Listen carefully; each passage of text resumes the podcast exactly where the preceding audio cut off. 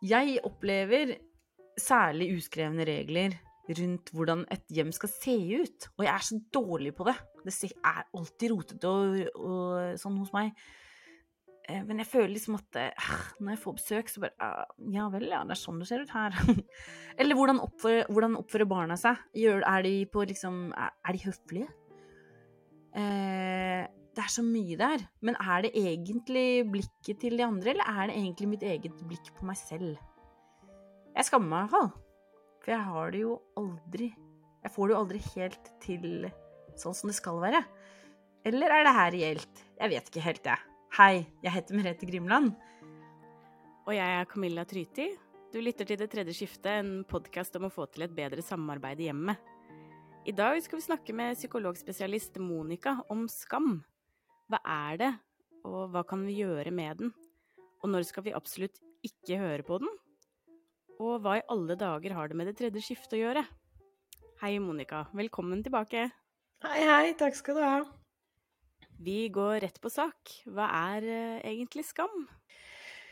Ja, skam er jo en følelse, men uh, det er en av de grunnleggende følelsene som vi er utstyrt med for å overleve som mennesker. Skam er den følelsen som skal lære oss hvordan vi passer inn i flokken vår. I og med at vi er flokkdyr, så trenger vi en slags veiledende følelse som passer på at vi oppfører oss sånn at vi får lov til å være med i flokken. Så da lærer skam oss når vi har oppført oss på en måte som gjør at kanskje flokken syns vi er vanskelig å ha med å gjøre, og kan avvise oss. Men skam lærer oss også hvor vi har plass i hierarkiet, og at vi lærer hvem det er som har mer autoritet enn oss, hvem det er vi må gjøre som vi får beskjed om av, f.eks. på en arbeidsplass. Eh, og den kan lære oss om hvordan vi tilpasser oss nye situasjoner. Igjen, hvis du begynner i en ny jobb, så, du, så bruker du jo skammen til å tilrettelegge sånn at du passer bedre inn i den allerede etablerte flokken. Så det er i utgangspunktet en veldig nyttig følelse som vi trenger for å fungere i flokken vår. Møter du mange i jobben din som har mye skam, eller? Jeg vil si de aller fleste strever med veldig mye skam. Og da er det jo ikke nyttig skam. Da er det jo skam som er eh, plagsomt og vondt. Ja, så den er eh, ikke berettiget, da, med andre ord. Altså, det er jo en dust ting å si, men vi, vi, sier jo til oss selv at jeg burde skamme meg. Jeg skammer meg for en grunn. Er det sånn? Ja, ofte så blir det jo at det som skjer, er at du kjenner på skammen, og så fordi kroppen din har vist deg en følelse, så tenker du at da må det jo være ekte. Jeg ville jo ikke fått denne følelsen hvis ikke det var berettiget. Istedenfor å kanskje ta et skritt ut og sjekke ok, hva var det som egentlig skjedde nå. Er dette her skamfullt? Så går man rett i den at eh, hvis jeg føler på skam, så må det være riktig. Og da blir ikke skam veldig nyttig. Det var jo litt sånn som vi prata om, var det forrige episode også, det at man bare tar den automatiske tanken om at dette her stemmer nok uten å tenke over ja. Men hva syns jeg egentlig om det, og mm. er det egentlig sånn? ja, skam, skammen, at skammen er der i seg selv, blir et bevis for at du skal skamme deg. Og derfor tenker vi at det, det er nyttig, og vi må fortsette å gjøre det. Eh, Camilla, har du noe du liksom Rundt liksom dette det tredje skiftet, da, og Eller det tredje og det andre skiftet. Det å liksom ha en familie, eh, et hus. Eh, barn, eh, et partnerskap. Er det noen ting du føler spesielt skam rundt? Oh, jeg føler egentlig at jeg skammer meg veldig mye, og skammer meg altfor mye. Um, og stiller veldig høye krav til både meg selv og oss på grunn av det. Um, det kan jo være bare sånn on the top of my head hvis vi skal ha noen gjester, for eksempel. Og, mm, og hvis jeg føler liksom at uh, jeg har glemt å stelle i stand noe, eller vi har ikke nok å servere, eller um, Eller at jeg føler at jeg ikke klarer å ivareta dem godt nok, eller Eller at jeg kan Hvis jeg får en bemerkning, sånn som Nå vil jeg ikke si hvem det var, men, men, bare at uh, jeg hadde vært litt sein med å, å tilby kaffe etter maten. Og så fikk jeg en kommentar på, på, det fra en av gjestene, sånn når jeg først liksom spurte og er det noen som har lyst på kaffe. Så var det sånn, ja, det er kanskje litt seint nå, eller noe sånt, da. Og så var det da istedenfor å Jeg skjønte jo egentlig etterpå at det var jo ikke jeg At det var liksom unødvendig å si, men istedenfor så tok jeg liksom med meg den kommentaren og bare kjente på den, og bare Det bare brant av skam inni meg, og det er kanskje noe man kan tenke som en sånn tåpelig ting, men jeg bare Jeg skamma meg så fælt og tenkte så fælt bare på det, at jeg hadde liksom feila i å og det har jo sikkert mye med oppvekst og sånn å gjøre også, hvilke verdier jeg har fått hjemmefra, og hvilke liksom oppdragelse jeg har fått hjemmefra. Men bare en sånn liten ting som gjør bare at jeg bare åh, ja. Nei, det er mye. Mange sånne småting. Ja, det kan jeg kjenne på. Det er der jeg liksom tenker litt sånn på hvor kommer det blikket fra? Det som gjør at jeg begynner å skamme meg, er det fordi det er noen som ser, sånn som du egentlig får en kommentar på der, da, eller er det jeg som eh, ser meg selv, på en måte? Og det er litt vanskelig å skille mellom. Så det liksom Når kan vi Når har skammen egentlig bikka over? Når er den ikke nyttig lenger? Når er det for mye, Monica?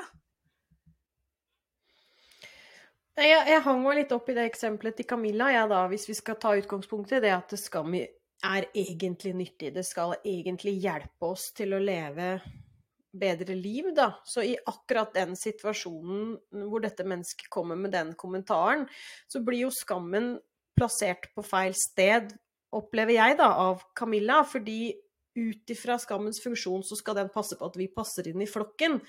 Og det å servere kaffe litt for sent gjør ikke at du kanskje blir ut, utestengt fra flokken din, men det å komme med sårende og unødvendige kommentarer kan jo potensielt gjøre det.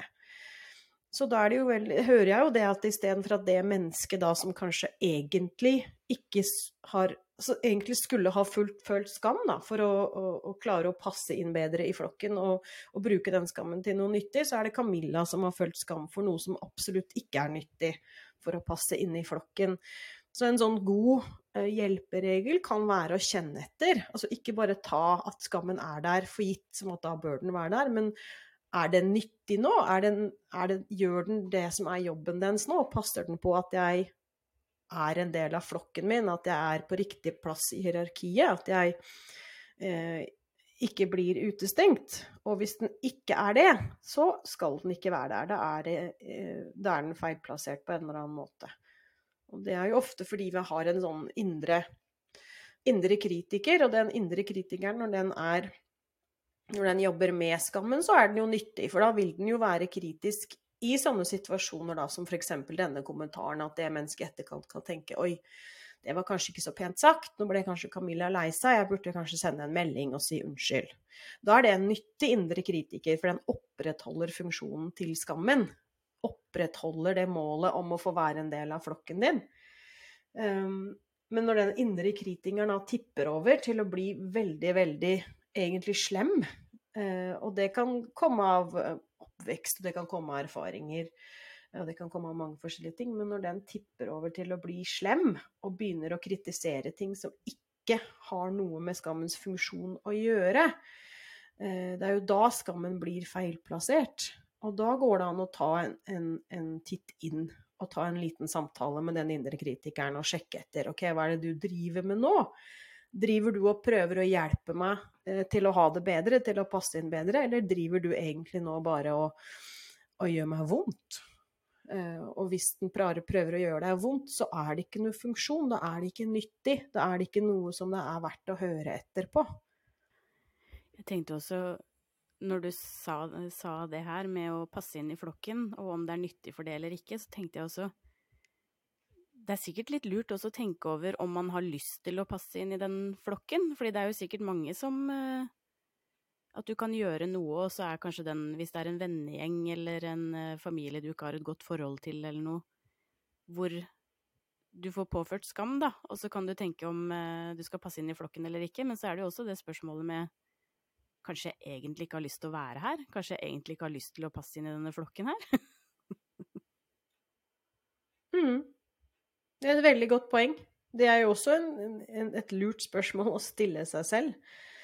Jeg husker jeg hadde, var på barselgruppe med en av mine barn. Og da endte jeg opp i en barselgruppe hvor hver gang vi skulle treffe hverandre, så var det om å gjøre å ha renest hus og best mat. Og det eskalerte til hvor vi skulle ha flere retter hver gang. Og det var liksom spesielt kjøpt inn og pynta inn, og jo dyrere og jo bedre.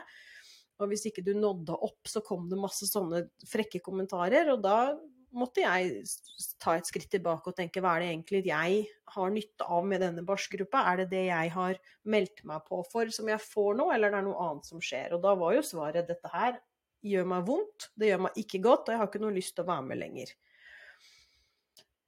Men da er man jo nødt igjen til å ta den indre dialogen, ikke sant. Driver jeg nå og lager bedre og bedre mat og rydder og vasker mer og mer og mer fordi dette er en flokk det er viktig for meg å være med i? Eller er det den indre kritikeren som har tatt litt av? Så det er et veldig godt poeng, Camilla. Det er et veldig viktig spørsmål å stille seg. Det er ikke alle flokker vi har lyst til eller har behov for, eller det er godt for oss å være en del av. Så det, betyr det at det, når, vi tenk, når, vi liksom skal ha en dialog med skammen vår eller kritikeren vår, så, er, så burde vi ha et flokkperspektiv? Ha, liksom, er dette som i La skal vi si Nei, jeg vet ikke om det blir et godt eksempel, det her, da, men OK, så har jeg ikke fått uh, vaska badet, og så kommer det besøk. jeg vet ikke hvor jeg skal med det her. Uh, kan jeg Kanskje jeg blir kasta ut av flokken fordi badet mitt er møkkete? Liksom, er det Ja, det ble ikke et godt eksempel. Er skammen da nyttig?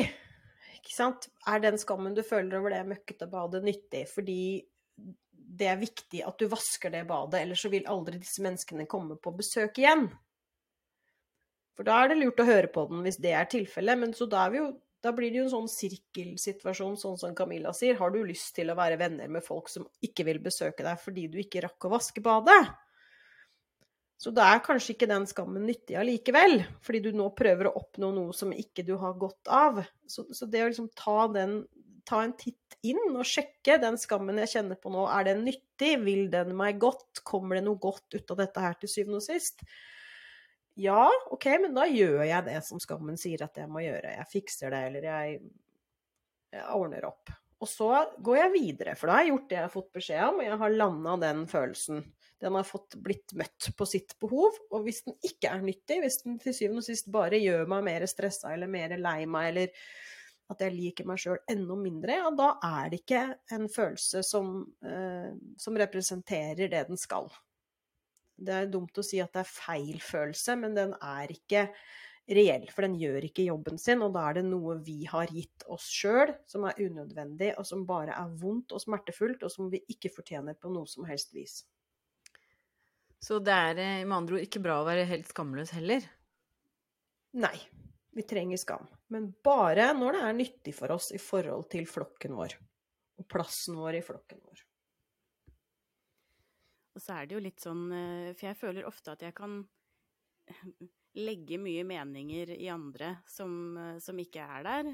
Og at jeg må da jobbe liksom mye for å innse at Sånn som det her med å passe inn i flokken, og vil de forlate meg hvis eh, jeg ikke gjør det på den og den måten, så er det liksom en sånn her eh, usikkerhet på min egen verdi som jeg har liksom tatt med meg, som liksom gjør at jeg kan legge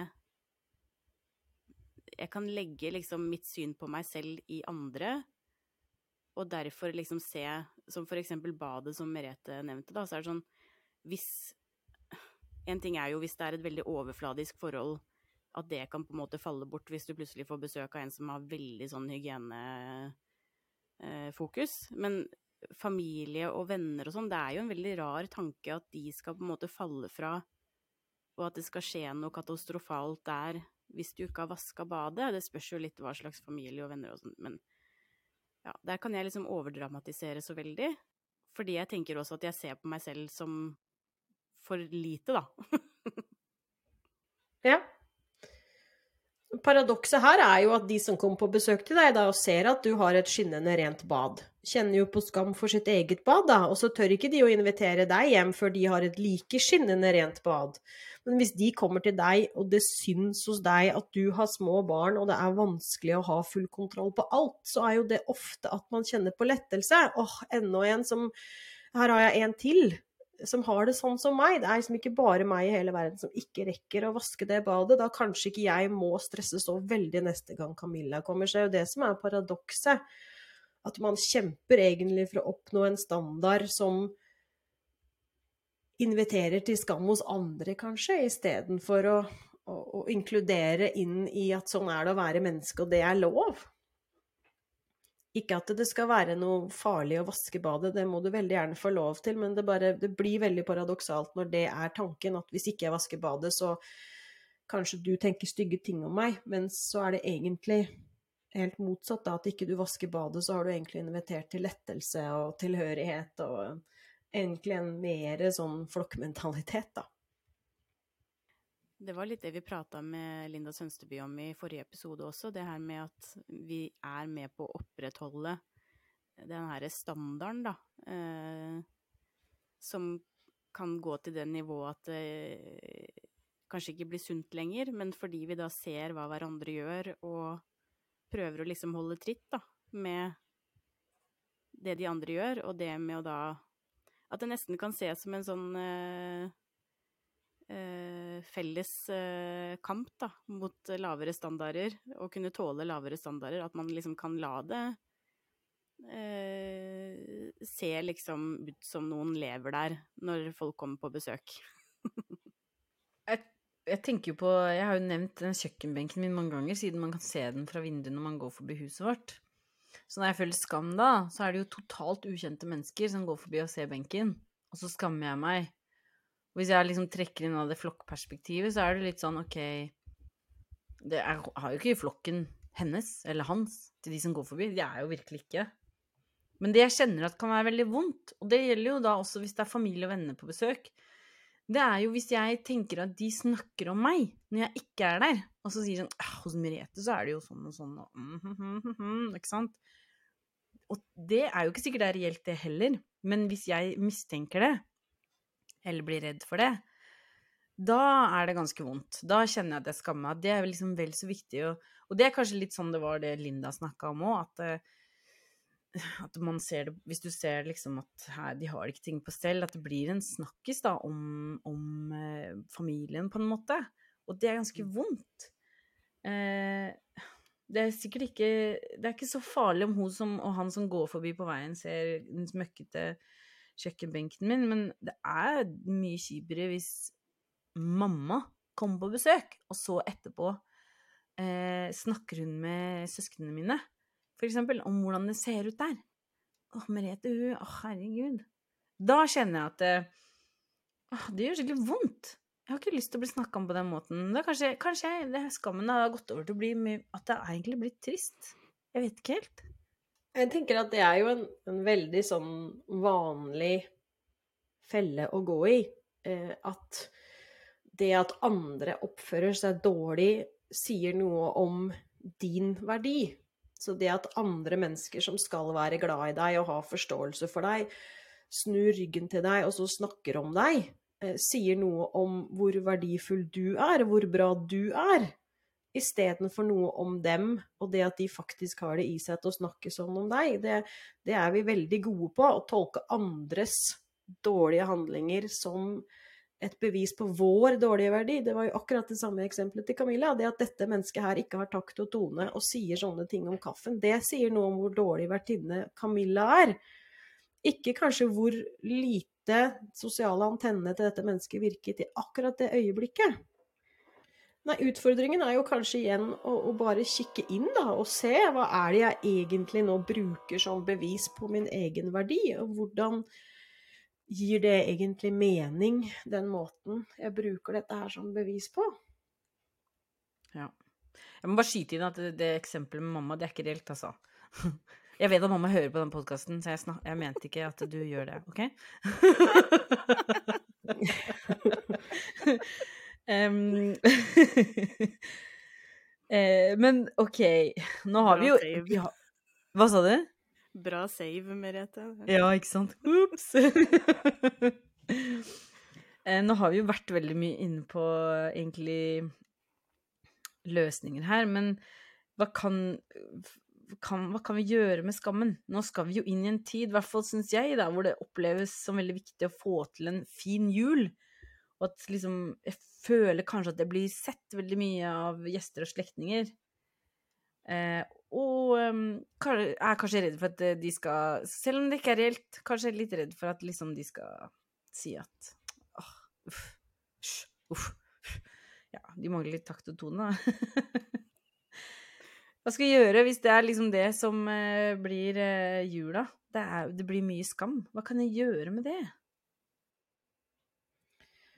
Nei, vi er egentlig litt tilbake til det jeg sa i stad, at det enkleste svaret, da, i og med at vi ikke har ikke så god tid i sånn podkast, så blir det enkleste svaret egentlig å, å, ta en samtale med den skammen. Er du nyttig nå?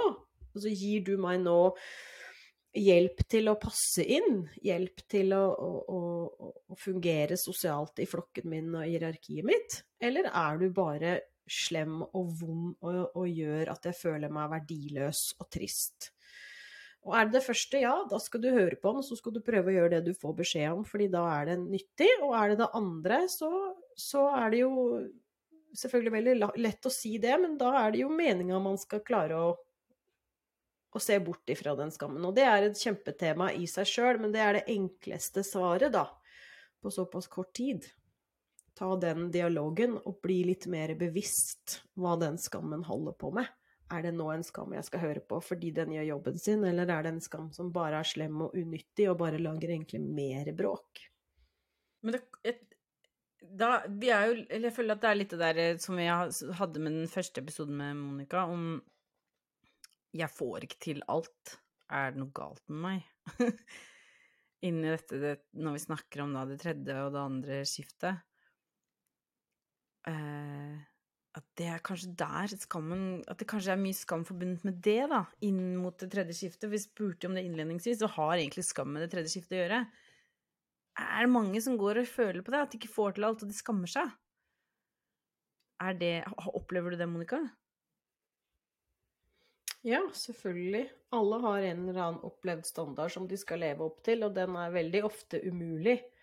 Og så når man ikke lever opp til den, så, så, blir det veldig mye skam rundt det. Fordi den skammen igjen blir tolket som riktig, ellers hadde den ikke vært der. Og da må den jo si noe om vår verdi som menneske, i og med at den kommer nå. Det er jo fordi jeg er ubrukelig og får ikke til noen ting, og akkurat sånn som den sa i oppveksten, eller ikke sant. Det her er bevis på at jeg ikke får til noe, at jeg er helt ubrukelig. Ellers hadde jeg ikke kjent på den skammen i det hele tatt. Og så blir det sånn ond sirkel.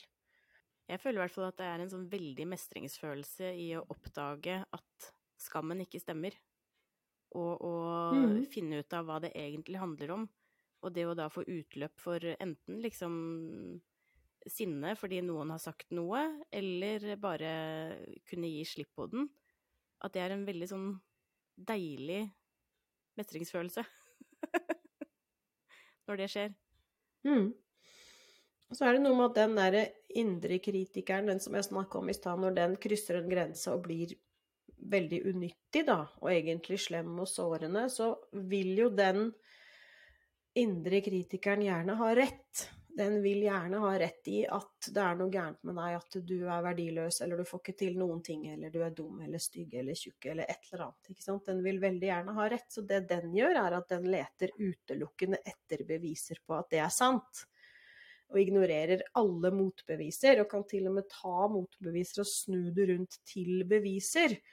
Og det, det blir vi med på fordi vi skjønner ikke at det er det som skjer, for det har blitt automatisert. Sånn at det du sier der, Camilla, det er jo egentlig da å gå inn der og sjekke etter. Driver du nå egentlig da indre kritiker og snur på verden min for å få rett? Eller er det reelt, dette her? Og så legge merke til at ok, nå har du faktisk tatt den ene negative tingen og brukt det som bevis, og så alle de positive tingene har du ignorert.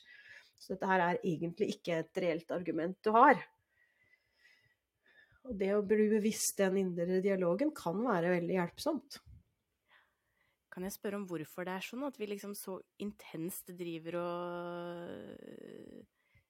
ødelegger da, for oss selv? At vi så intenst prøver å bevise noe som egentlig gjør så vondt? Ja, altså det er jo en ganske lang og komplisert forklaring, men veldig enkelt fortalt igjen, da.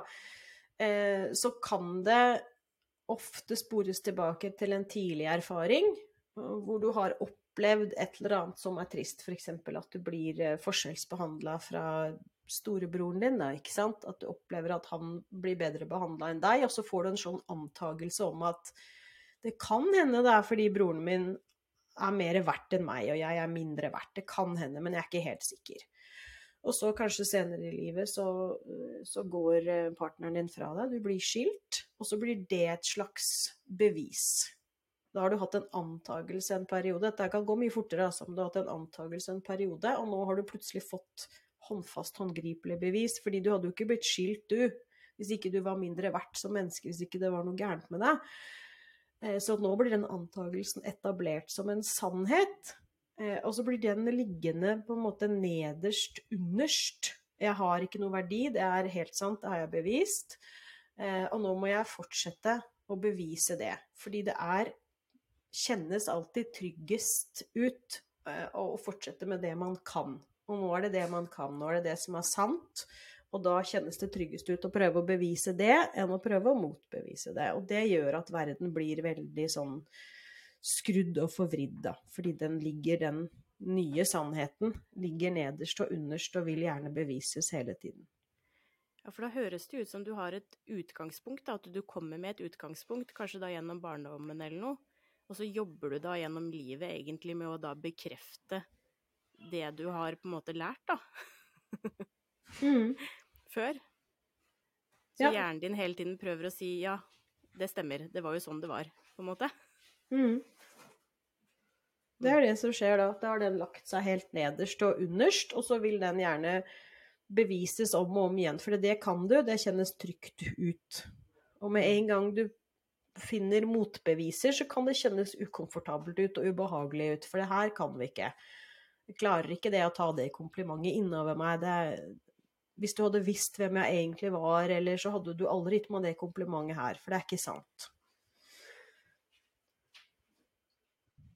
Nei, du fortjener det ikke. Det mennesket her vet ikke hvem du egentlig er, og hva du egentlig kan. Og skulle sett meg i stad, da satt jeg her og gråt fordi jeg ikke får til noen ting. Så da er ikke det at du skryter av meg nå, et bevis på det motsatte. For det føles ubehagelig ut. Så da må jeg heller snu det rundt, så det blir bevis på det jeg allerede sitter og kjenner på. Det er at jeg har mindre verdi enn deg. Og så er det én type sannhet. Vi har hver vår type sannhet som ligger nederst underst. Og noen eh, er, har det veldig godt og har sånne gode, fine sannheter nederst, og det er veldig hyggelig. Og så er det veldig mange som ikke har det. Ja. jeg må gå og ligge meg og gråte nå.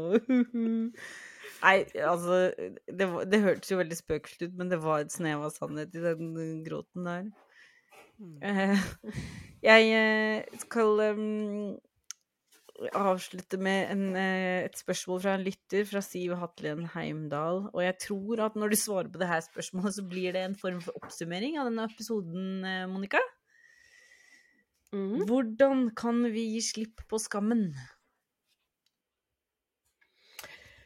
Ja, med fare for å gjenta meg sjøl, så er det jo det igjen, å ta den, ja, ta den indre dialogen.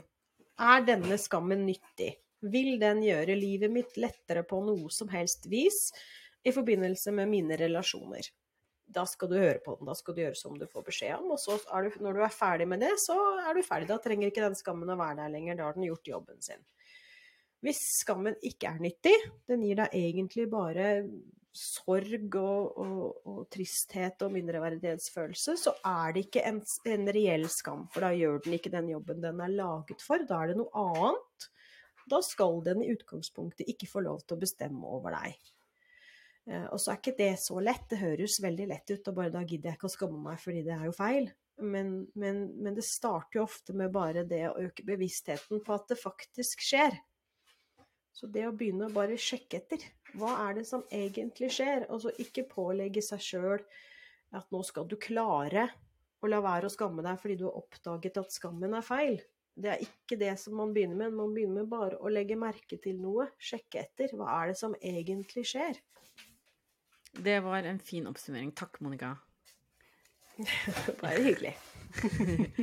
Tenkte at jeg skulle tipse igjen, jeg, da, for jeg har tipsa om det her på en livesending også, den boka her. Men uh, hvis du har liksom litt lyst til å skjønne litt mer om følelser, så er det her en skikkelig bra bok. Den heter De seks store følelsene. Den er da skrevet av Anne Hilde Vassbø Hagen og Jan Reidar Stigler. Ja, kjempefin. Den første, første kapittelet handler om skam. Gå og les den. den er kjempebra. Eh, da tror jeg at vi skal eh, si tusen takk til deg, Monica, for at du var med på nok en episode. Takk for at jeg fikk være med. Å, det var hyggelig. Vi kommer til å spørre deg igjen. du er så flink. ja. Eh, helt avslutningsvis, vi har jo nå fortsatt dette heftet med 135 ansvarsområder, er det blitt nå, som du kan laste ned fra nettsiden vår. Og om ikke så veldig kort tid så kan du også eh, finne et kurs på nettsiden vår som heter 'Kom i gang med å fordele ansvarsområdene'.